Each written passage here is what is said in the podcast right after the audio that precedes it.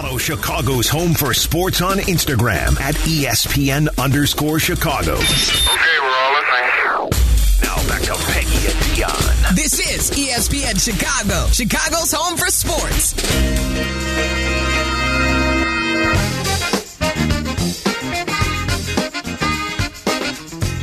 It is a bright, sunny Saturday here on State Street outside our ESPN Chicago studios. Welcome in, everybody. Happy Saturday to you.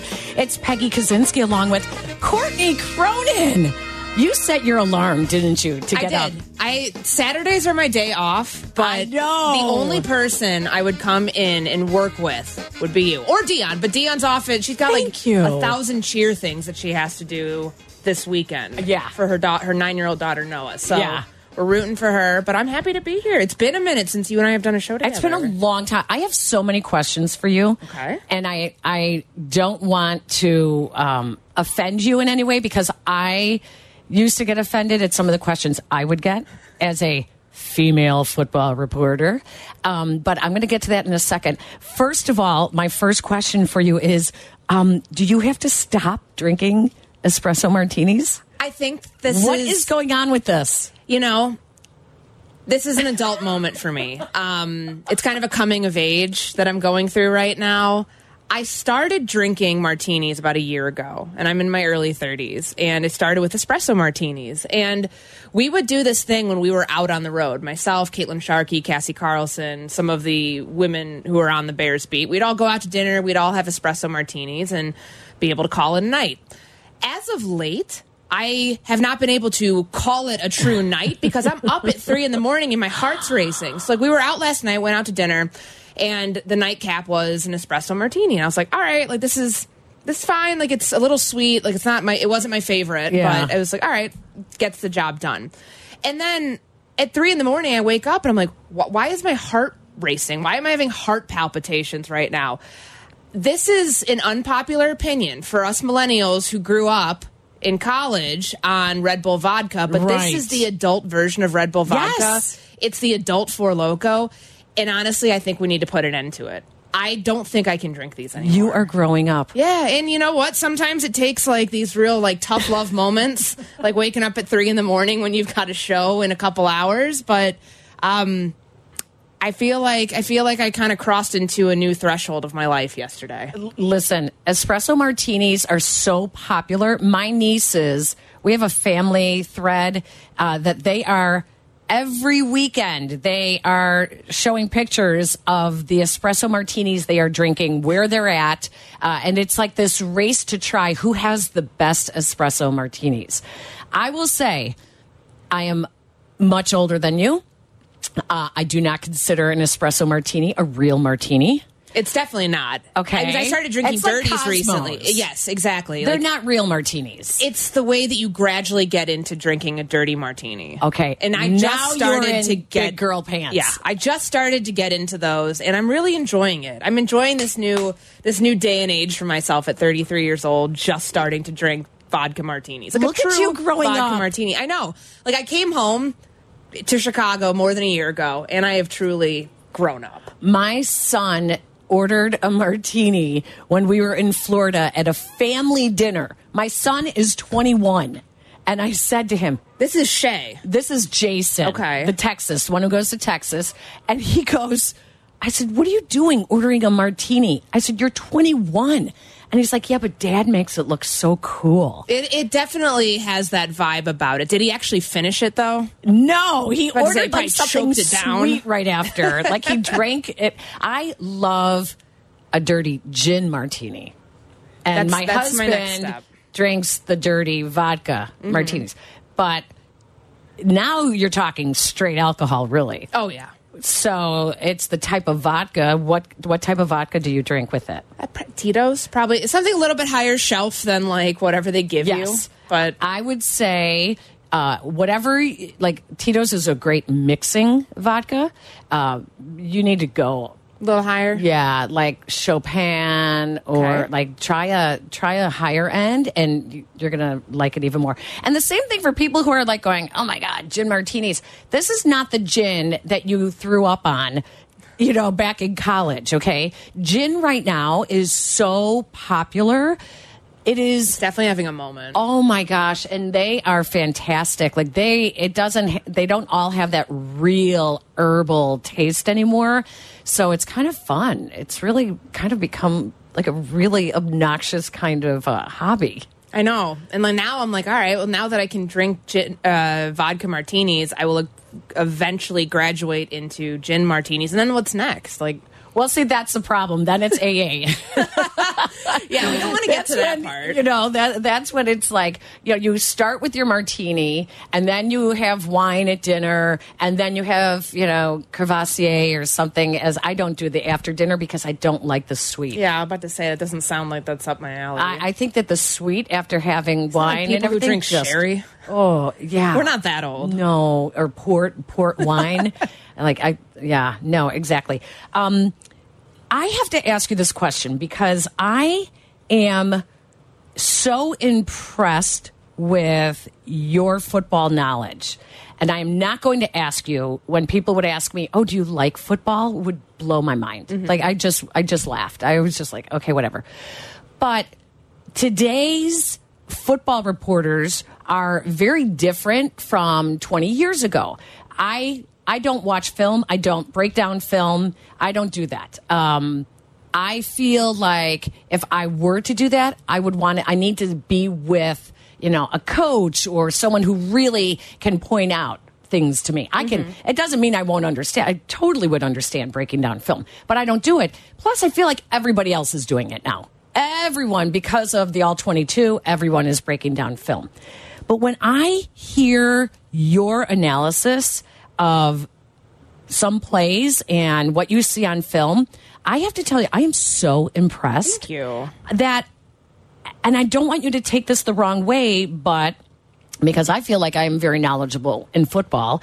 Um, but how did you start breaking down film and how did you learn how to break down film? it started in my Mississippi days. So like right out of college, my first like real job as a journalist was covering high school sports, high school football down in Jackson, Mississippi. And those coaches that I was able to meet there. So you like for me that was cutting my teeth at the very ground level. I know some people start out covering pro sports, some people start out in big markets. For me that was my way into doing this for real. Yeah. And in a low stakes situation. I mean, obviously, like football's everything down in the deep south, but it didn't feel as serious as it does up here. So I had the opportunity to like ask questions to things I didn't know. Right. And not feel afraid to do that. And Yep. then having people point out things. The more you have that opportunity to ask questions, it's why we go into press conferences asking about specific plays and hoping that you get a real answer. Right. But all these years later, I now can like take what I've seen in some of these in, in the way I've been taught to watch football and you can really understand like why coaches say specific things in a public setting. Mm-hmm. And you can re- it's I've gotten so much better at reading between the lines of okay that's not what actually happened what we saw this coach is trying to not throw this player under the bus Right. because if he were to really tell you what had happened on a specific play and you know I keep going back to this week and what Luke Getsy said about the first play I was just that gonna- happened with the Bears and Justin, you know, set the protection right. He just didn't slide to his right and then throw the ball. And then there were a couple other ones. Like, I feel like it's gotten, it's become more of like a challenge, uh, a fun challenge for me to be like, all right, what do they really mean by this? Because there's that other layer of information that you have to peel back to get like to the real, the real facts of like what happened on a specific play. But for me, that started, you know, just about a decade ago now in Wow. a, in a place that you know, I didn't know what I didn't know. And so that was my chance to just kind of get in there. Because I always tell young journalists, like, don't, when you go into press conferences, nobody wants a 45 second, you won't be able to ask that. But like, I mean, hell, there's people who do it right now. Oh, yeah, When you are. like listen to like press conferences and you're talking, like, get to the point. One person, you know, Emily Kaplan, right? Yes. I love her. I think she is fantastic at her job. And I know she got some criticism during the Stanley Cup final when we had it on ESPN back in 2022 because she would ask very direct questions. And I remember reading an interview that she did about her interviewing style. And it was get in and get out because there's so many people who belabor the point Right. trying to ask a question to get information.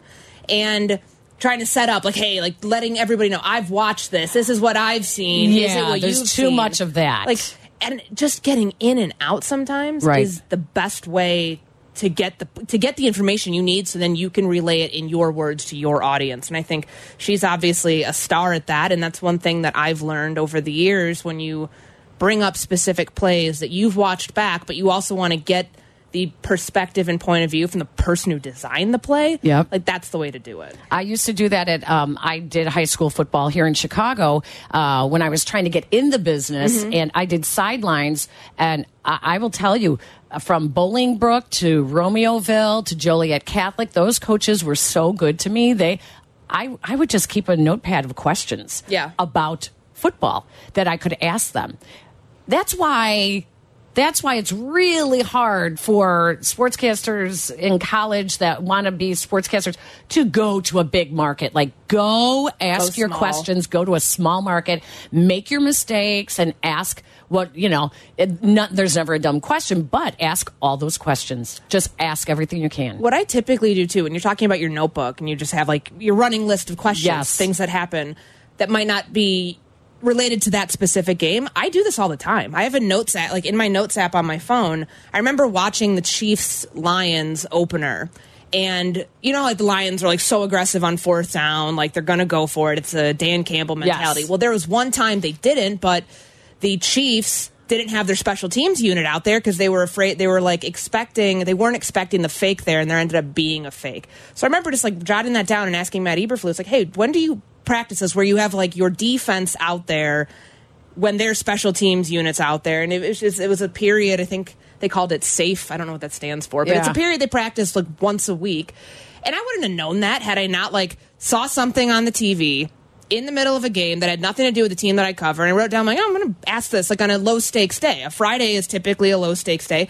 Not usually with this team this season. They've had a lot of fires get ignited on Fridays, but like typically that's a lower stakes day where you can ask some questions that you've been holding on to throughout the week, and that's what I've done. I mean, it's it's definitely given me a better chance to have a better perspective on what you're seeing and stuff that your team clearly like it affects them. It might not be their game, but it's still stuff you can ask them about. Exactly. That's really funny that you say that because these are my notes from last week's game, and I keep on the side.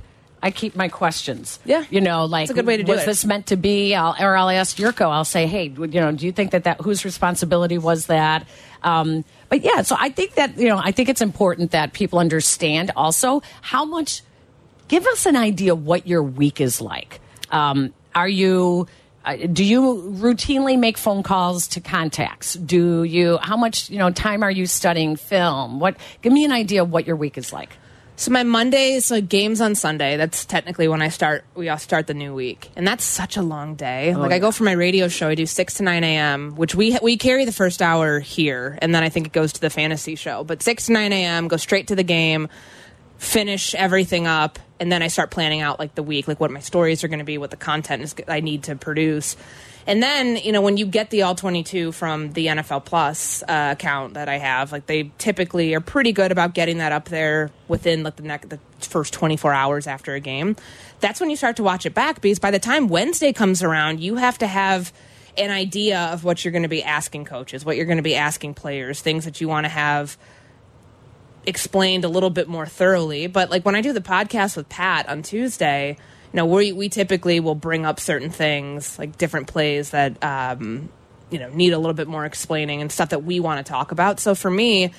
If there is something in like kind of that immediate term that you need, I mean, that's you're on the phone, you're texting, you're Yep. keeping in touch with people, and I, for me, I find like some of the, the best inform- like information of like getting perspective comes from outside of the team, and of course, you know, they're everybody's watching everybody else's team. They all say that they're like solely focused internally, but everybody's watching Right. what everybody else is doing because that's how you find out about trends. That's why.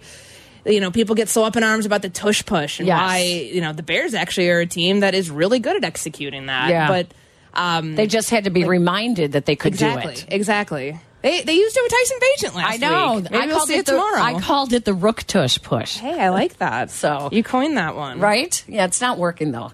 The the Good Shepherd that Dionne uh, has coined for him. That one's sticking. The Good Shepherd is sticking. Um, anyways, speaking of, she's Courtney Cronin. You guys hear her all week long covering our Bears. She's also on NFL Nation, ESPN Network as well. She's in studio filling in today uh, for Dionne Miller, who has uh, today is a cheer day for her and her daughter. We are going to get, we are really going to break down some Bears later on. So we will take your phone calls uh, talking Bears before the Raiders uh, arrive here in Chicago. But coming up next, it is the home opener for the Blackhawks, and Connor Bedard will take the red carpet outside of Madison as fans line up to see the Blackhawks uh, arrive. We will check in with Hall of Famer Denis Savard. He will join us coming up next. It's Peggy and Courtney, ESPN 1000. Follow Chicago's Home for Sports on Twitter at ESPN 1000. This is Peggy and Dionne. On Chicago's Home for Sports, ESPN Chicago. Bedard and Crosby about to take the opening face-off in a moment Connor Bedard has been dreaming about for a long time. Welcome back for another season. Connor, welcome to the NHL, man. Okay, guys, it's showtime. Have a great game. For Vlasic. Bedard, nifty pass for Vlasic with a lot of room. He put it on that rebound goal. Ryan Donato has Chicago on the board. And Connor Bedard's got his first National Hockey League point. He'll have an assist on the pass. There's Bedard dropping the back off Donato. Now Bedard with a shot, saved by Ullmark. Coming around is Bedard, he scores! His first National Hockey League goal! Chicago fans are just licking their chops at an opportunity to see Connor Bedard in person. Sold out every arena so far for the Blackhawks opening to this season, all on the road. They open today um, against Las Vegas. And uh, we have Hockey Hall of Famer and the greatest Blackhawk, Denis Savoir Faire Savard, is joining us. Denny, how are you? Good morning. I'm well. Yourself? Oh my gosh, I am so excited about this because I am sorry to say that I did take a little bit of break from Blackhawk hockey the last couple of years. I apologize for that. But Not a problem. when Connor Bedard came and they they won the opportunity to draft him, I verbally screamed in my living room watching it. I could not believe it because I just knew what it was going to mean to this franchise. So, uh, Denny, it's Courtney Cronin is joining me today. We want to talk to you a lot about Con- Connor Bedard and what he is meaning to the Blackhawks as they drop the puck today at um, on Madison. Tell me your whole impression of him. Well, I've been impressed. There's no question. You know, again, you know, he just turned 18 in August, so we got to give him time and adjust about the NHL, what the NHL is all about. But you know, when I look at the big picture with him, uh, we know he's going to be a solid, solid, great player in this league for a long time. You know, he's got to stay healthy, and we hope that's going to happen, and I think it will.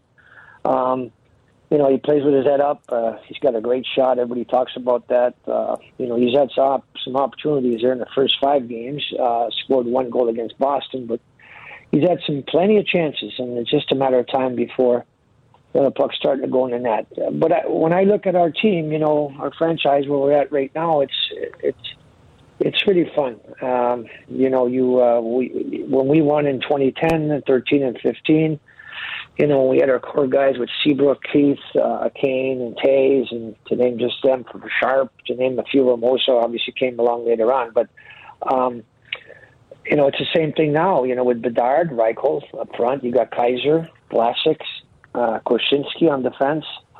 You know, I'm not saying that those guys are going to be the Toews, the Kane, the Keith, and the Seabrook, but it's the same type of movie that we saw then.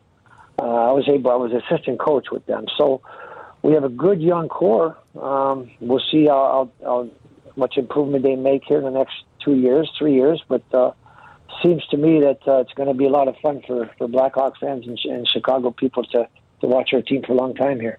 What I found most interesting the first two weeks of the season is how he's been portrayed. Like every game the Blackhawks have played in has been nationally televised. When you go back to hockey night in Canada last week. I mean, that was mm. such an incredible moment for him to be back in Canada against the Canadiens with a national audience watching him. Then, of course, Pittsburgh and the cool dichotomy between himself and Sidney Crosby.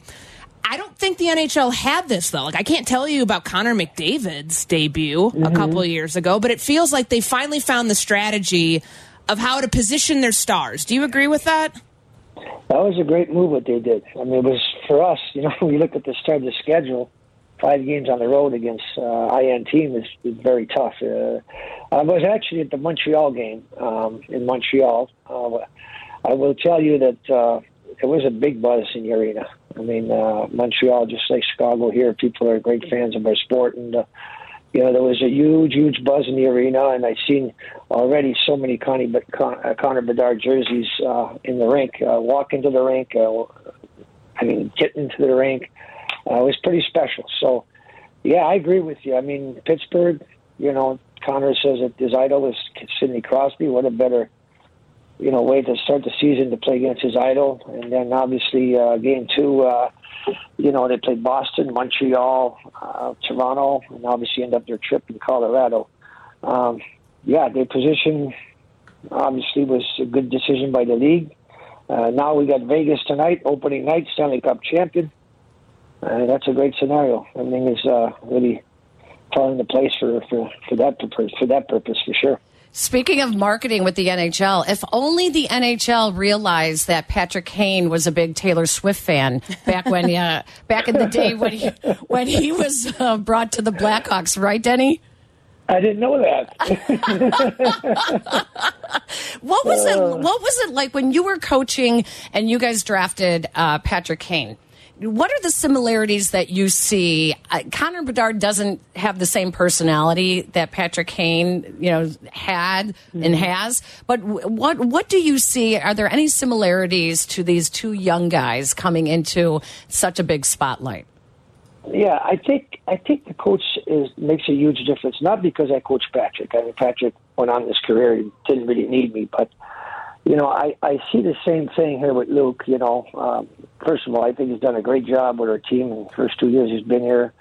I love how they prepare. I love how they play. They come, you know, they play hard every night. So I, I think it's similar to, to what I've done with Kaner. You know, you just open the door and play and teach them and watch films with them. Uh, don't want to overkill it with them, but you know, do a lot of video sessions, which Kaner loved to do that, and I'm sure the Connor's the same way.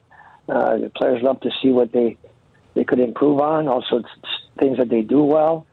So they have a great staff here. Luke Richardson and the staff are going to do a great job for us. And already I see, you know, just the spirit. You know, just I could on the ice how they play, how they stick together, and you know, I know I'm, we, talk about our young kids, but the addition of Foligno and Perry and Hall, and you know, Tyler Johnson's been hurt the last two years, but he said he seems to have a good start. Glad to see that for him uh, you know, with Seth on defense and obviously goaltending. I mean, so we're we're in a good we're in a good position. Um, you know, obviously expectation. Uh, you know, people uh, always say, "Well, the Hawks, you know, they're rebuilding." Yes, we are rebuilding, but uh, so far, you know, I've been impressed. Uh, you know, the road we're on. So hopefully, uh, we'll continue to, to to win our share of games here, and again, keep improving every year. And I know that within two, three years, this team's going to be to look out for, no question. But the bright lights in a big city like Chicago can be dangerous. You know, it can be overwhelming at times as as well. How how do you? I mean, do you, you know? Do you? I, I remember Patty Kane was was living in the GM's you know house, was living in Stan yeah. Bowman's house. So how do you help him just adjusting to being on his own in such a big city? Well, it, it is it is a difference. There's no question. But I could see he's got a great head and shoulder, and I hear a lot of great things. I've only met him once uh, so far, so I don't even know Connor very well. The only thing I can tell you that it's a small world. That my brother has a lake house in Canada, and his neighbor, uh, the mom, uh, is uh, Connor's mom, and the lady that's neighbor of my brother are best friends. So we'll get a lot more scoops out of that. But anyway, we nice yeah, no, it's kind of because my brother has his flag, you know, on one of his poles, it's the Blackhawk flag. So, and they're just kind of moving in there. They're they're building a house there, and, he, and they came over and they said, "Are you Blackhawks fan?" And you know, it's funny that uh, my brother said, "Well, that my brother played." You know, well, the lady goes on, "Well, I'm Connor's uh, mom's best friend." So it's small world. But anyway, so yeah, it it is an adjustment. But from what I hear, his parents and mom or dad uh, are going to be here, or sister at times. So, and you know what, Peggy? You know, we're, when you play hockey you know, you at the rink, especially now, they spend a lot of time at the rink, and there's not much more else to do except go play hockey. You know, obviously there'll be media and stuff around them, but that's that goes with the territory, and I don't think it's a bad thing. I think it's a great thing. I mean, we, you know, the more uh, we hear about our team, the better it is, and uh, you know, when you have a huge, uh, a great group of fans here in Chicago, uh, you know, it, it's very healthy for for our organization and for the town of Chicago itself. Peggy and I were having the conversation before the show about that label that's thrown around in sports. NFL does it, generational talent. We hear it in hockey, maybe less frequently, but it's one that's attached to Connor Bedard. And so far, through what, five, six games, he's living Mm-hmm. up to that. But from your perspective, what is it about him that makes him fit that label and one that like isn't just going to fade after the first month or two of the season as you said we know this is a rebuilding team but why does he fill the generational talent label All right, that's a great question, Courtney. So here, what- I, I was, when I used to do, well, we did some uh, meet and greet with some of our sponsors at times, and we still do that, and I still will do that tonight with some of our sponsors. And, and I've always told, you know, when you go back to Patrick Kane, I always tell people, once he gets inside the blue line, you watch, not just watch him with the puck, but watch beyond him. Players coming late, players going to the net, and the poise that, that Patrick has shown, you know, when he when he played, and he's going to continue to play. But the, it was as a young boy. That's the first thing you notice about a, a player that's got great talent is his poise. The patience, obviously, it's the same thing. But that, the, the people around them, the people that that are coming late on the ice, or coming late for the for the offensive chances and stuff, and that he's able to see them. I see the same thing in five games with Connor. Um, you know, when he grabs the puck inside the blue line, you always go, something good's going to happen. You know, there's a good chance something scoring chance is going to be happening here, and and it happens. So, of course, you know, one goal, and a couple of assists. Now he's gotten the start of his career, but I know that the experience of that game with Kaner when I coached him and watched him play, it's the same thing I see here. I mean, we can't compare Connor to, to Kaner yet. There's no question that Kaner is one of the greatest Blackhawks, if not the, the greatest Blackhawk that's played this game in this uniform and won three championships. So, uh, but you know, his similarities are pretty much the same here at, at times, and uh, you know that's what I say to our fans and to people that watch our games. Uh, you know, watch when you're there live. You could watch what's coming late, and and the time and the the poise that he has. No, you can't teach that. I mean, uh, there's only a few, a handful of players in the league that does that, and already at 18 years old, I see that in him, no question. And I love the fact that he's he's worried about being in a bit of a scoring slump five games into the season. I love it. I love it. But hopefully, Blackhawk fans will see his first goal at home tonight as they take on uh, the Las Vegas Knights. Ceremonies on the red carpet with a Rocky Wirtz tribute start this afternoon. Um, first 15,000 people who arrive, 21 or older, will get a light up rally towel.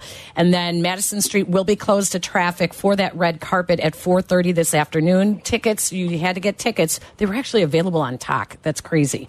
they're Uh, pricey Yeah, they're super Yeah. pricey this is not just like your Amazing. average ticket price No, this is like going to you know the Oscars or something. Um, and then they say six forty-five fans should be in their seats for the opening show for introductions and a tribute to the late Hawks chairman Rocky Wirtz. So, Denis Savard, thank you so much. Peggy, Courtney, one more scoop for you. Good. All right. My wife, which Peggy, you you met Mona before. Yes. So, you know, Mona's maiden name is Bedard, just so you know. What? is there is there some What? tie here No, there's no relations there at all, but she is coming to the game. She goes, I'm going to see. It's a Bedard. I'm going to see Bedard play his first game as a Hawk in Chicago. So, Oh my gosh! Uh, Wait, yeah. Mona Bedard Savard. correct. That's crazy. well, give my love to Mona. It's always great to catch up with you, Denny. Thank you so much for joining us. Anytime.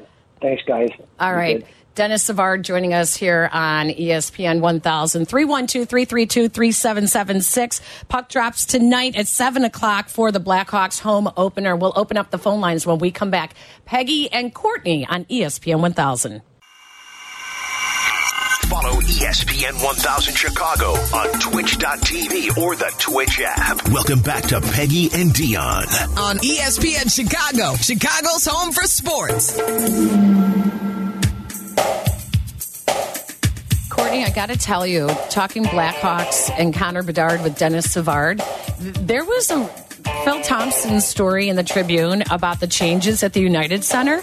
We have got to go to a game. Okay. We have to What go to the a game. changes? Okay, so they they have grab and go food now for people in the 300 level because the lines are so long, it's ridiculous. Like you miss so much time standing in line.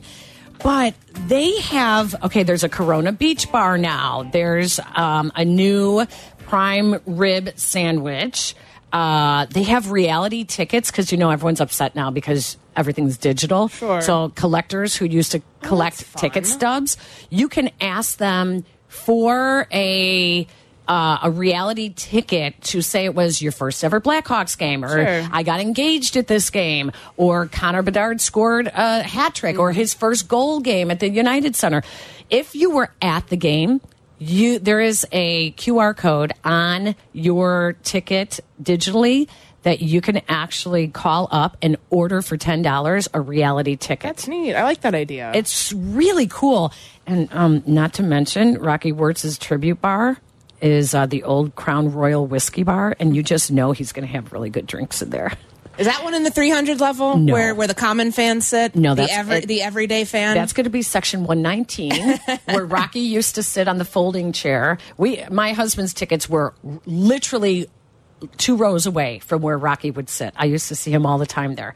Um, but yeah, so he's gonna they're gonna have this really cool Rocky's bar that's going to have all his favorite drinks. So that's some big girl drinking right there. Yeah, that is. I haven't been to a Hawks game. I was trying to like jog my memory about this because I was gone. I was in Minnesota for a while, but I hadn't been to a Blackhawks game since I want to say 2015. It's Yeah. been it's been a minute. It's been a long time since I used to go to a lot. Obviously, I, I covered them throughout Mm-hmm. their three Stanley Cups. But oh, you know what? Let's go out to Mel in Grayslake because he's a, a Denis Savard fan as well, and he wanted to jump on. Hi, Mel. Hi, Peggy Dionne. You guys are my heroes today. You made my Saturday. I got to talk to Dennis. He's my favorite Hawk of all time. Oh, And I, got love it. see- I got to see him in one game where he played against Philadelphia. They beat Philadelphia four no four to nothing, and he did the spinorama to Larmer in the slot, and Larmer, as usual, Lam- Larmer ha- hammered it home. Yep. and I love both of the players. I mean, I think Savard is the greatest center. I, they all talk about Gretzky, but if you look about who can dance, there was no player better than Savard dancing on the ice. Number 18, Savoir Faire. Absolutely. Oh, you get, you guys, you guys want to go out for a dinner? Or that you guys got it on me because you made my day to talk to my favorite player. Oh, Thanks, I love it, Mel. Thank you. Thanks for checking in with us. We appreciate it. Uh, and it is Bye-bye. it is Courtney that is filling in today for Dionne, but I'm sure she'll take the compliment being called Dionne. Yeah, I'll take I'll take the free dinner. It oh, yeah, take the free dinner too. Mel, Mel didn't get. I mean, where where are we doing this in the 300 level? Or are we doing like 100 Right? level spending? Got to go to Queenie's. Have you been to Queenie's? I have. I have. It's been a minute. Really good. Mm-hmm. Really good. I was very, very impressed with it when we went there before um, the comedy show last week that I fell asleep at. that is so embarrassing. Um, we we need to talk some football here. Let's let's go out into the phone lines. We haven't talked to Chase in a couple of weeks. Hello, Chase. Welcome in. We have Courtney filling in for Dionne today. Hey, Peggy, how you doing? Good. What's going on? Hey, Courtney, what's going on? What's going on? You ready for tomorrow's game? Mm, not really. Hard to say. That's the that's the mindset of a lot of Bears fans right now. That eh, Everyone's worried. Every, no one wants they're to get their in hopes five. up. I know. It's fair. I I, saw a video today. I don't know, Chase. Did you see that TikTok of the the two guys who like they they do like they sing in harmony, and there was um I don't I don't know how I would describe it, but it was something about the Bagent effect, and it was it's going around on TikTok. It's two Bears fans with the mustache, the Ditka attire. They, I, we gotta Oh, find Justin, it and can play it. It's really that? good. on It's really TikTok. good. But I think it expresses kind of that general, eh, I don't know, sort Well- of feeling well, right it's now. Just, it's just that um, it's just that the way the season is gone. It just seemed like worst case scenarios has been happening so much this year. It's been a little deflating because I had I didn't expect this team to compete for anything. All I just wanted to see was progress. I wanted the quarterback to develop into a really good player. I wanted the offensive line to get better. It just seemed like the worst case scenarios in this situation keeps happening to this team. You know, it just seems like they just can't get out their own way. It Yeah. just it, it just seems like every time I look up, it's just something else. You know, and I'm just wondering if things keep trending the way they're trending, how quickly before we start uh, Ryan Poles starts coming under fire because I've I've just supported him. I understand that he was dealt a bad hand, but at some point, it's like, hey man, you, know, time is ticking. You know, the fan base is starting to lose their patience, and after a while, there's so much more that's losing the, per- the fan base can take. You know, this is starting to wear on people. This losing is starting to wear on the entire fan base, and it's starting to get deflating almost to the point where I'm not gonna tell them to quit being a Bears fan. I will never do that. But I'm starting to get apathetic where I'm, I just don't even care no more, and that's why I say I'm not even. I don't even care about this game no more because it's like the season's over with. What am I to look forward to? No, it's a good point. I mean, we're at week seven right now, and a lot of Bears fans have turned the page to 2024. Like, that's a really early part of the schedule to start thinking so far ahead when there's 11 games left. It's a, it's amazing how quickly we're talking about the draft. Yeah. Like that is that is like that when when your fan base is that deflated because this was the part of the schedule that was the softest. This is Yeah. where they should have been stacking up wins, and to lose the way they've been losing is jaw dropping. And I think that's where people are just like, oh my God. Because everyone wanted to give the benefit of the doubt. Everyone wanted to believe in the moves that were made going into the season. And then to see them just such a roller coaster up and down uh, is is very deflating, I think. Chase, thank you. By the way, we appreciate it, and I don't believe you when you say that there's nothing to look forward to. I think I think a lot of people are looking forward to seeing Tyson Bagent. Yeah, no, I do too. And I mean, his story is so fun. It's- what does he have to lose at this point? right? Nothing. Like, he, in theory, wasn't supposed to be at this level. Think about how rare it is for somebody who comes from where he came from to get to this point. And I feel like he has that confidence. Like, that comes across in the way that he talks and the way that he talks about his story. And I mean, literally, what do you have to lose at this point? The team's one and five. It's not like you have the weight of the franchise and a playoff berth on you at the point in which you're taking over for Justin Fields. And I, and I think it's a great story. And it's this is the first time this week. Did you catch this from Luke Getsy on Thursday when we were talking about? I asked him what was the difference. You know, the obvious difference is, is that you know you go from running the scout team to QB one. It's a lot more information that you're having to absorb in those moments. And it's a different role because you're not going out there pretending to be the other team for your defense. You're going out there going against the scout team defense. And, you know, his role going from QB2 to QB, QB3 to QB2, like how that process went around. And this is the first time I heard, and I can recollect, Getsy saying, well, that was our plan all along. Because they never said that before. They always said, no, he's, he's created the competition for himself. Like he got himself in this position. Very clearly, they were putting him in position to succeed as the backup quarterback, to one day be in position to be Justin Fields' backup. I, I just thought that was kind of interesting. We had not heard those direct words from anybody in the organization up until Thursday. When we come back, I visited with Ernie McCook, the head coach at Shepherd University, and he had some very interesting comments about the Bears scouting staff and what they had said uh, in their visits to Martinsburg, West Virginia. And Martinsburg, right? Yeah. I had to stop and think because I heard someone say Martinsville, and I'm like, no, that's Tennessee, right? Okay. Martinsburg, West Virginia. When we come back, we will play some clips from uh, my interview from my podcast, which you can hear on the ESPN Chicago app on the Sportscaster and Her Son podcast with Coach McCook and some of the things that he observed with the Bears as they were scouting uh, Tyson Bagent. And a really fun moment in the interview when I asked about Tyson Bagent's little brother, Ezra, who is a freshman quarterback at Shepherd. Happened to be walking by during our interview and he kind of popped his head in and joined us for a few seconds. So we'll listen into that interview when we come back. I'm Peggy. She's Courtney. This is ESPN 1000. Welcome back to Peggy and Dionne on 100.3 HD2, the ESPN Chicago app, and ESPN 1000.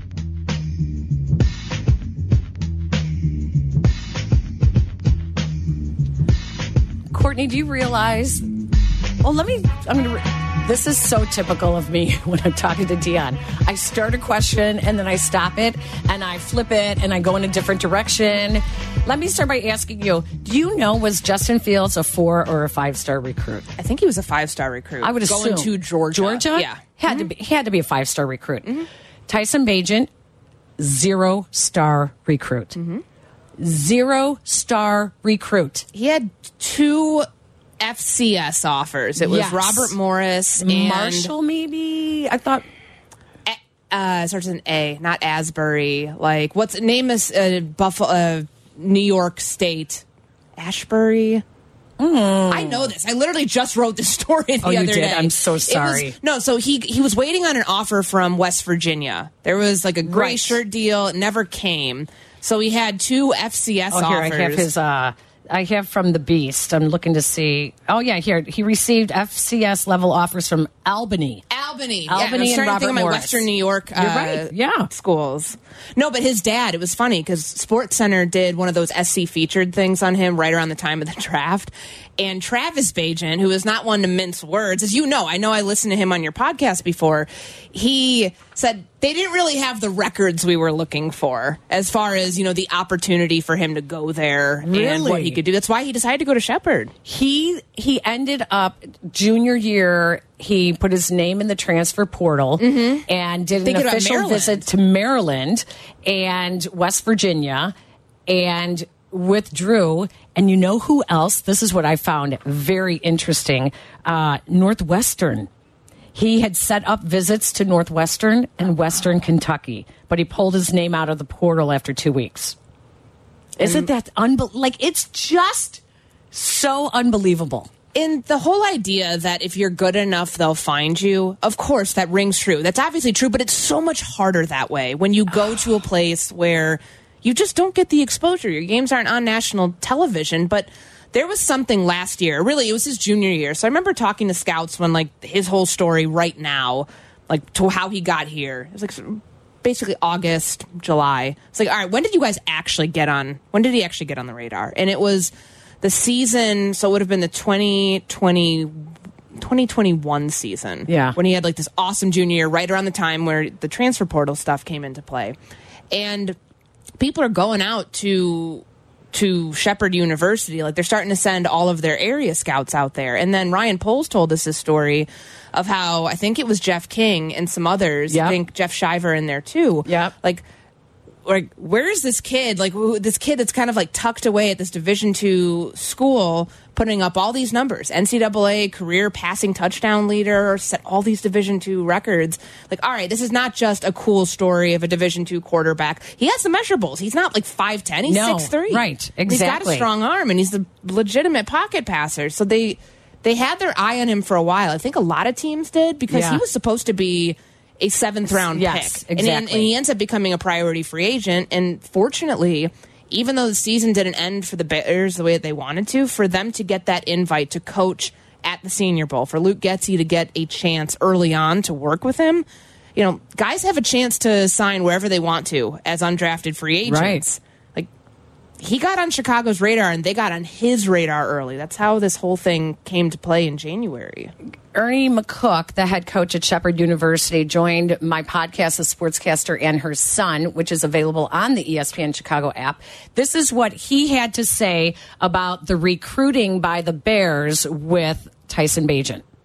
the initial scout that comes in never wavered was always like man this is a guy that i'm going to jump on the table for pound the table for um, and i thought he did a great job and i thought jeff king uh, the way he came in and uh, sat down with our offensive coordinator and the questions that were posed to him i thought was uh, pretty pretty awesome I, I thought what what really gave me the idea that the bears would be a good fit for him was him playing for Luke Getsy down in the Senior Bowl.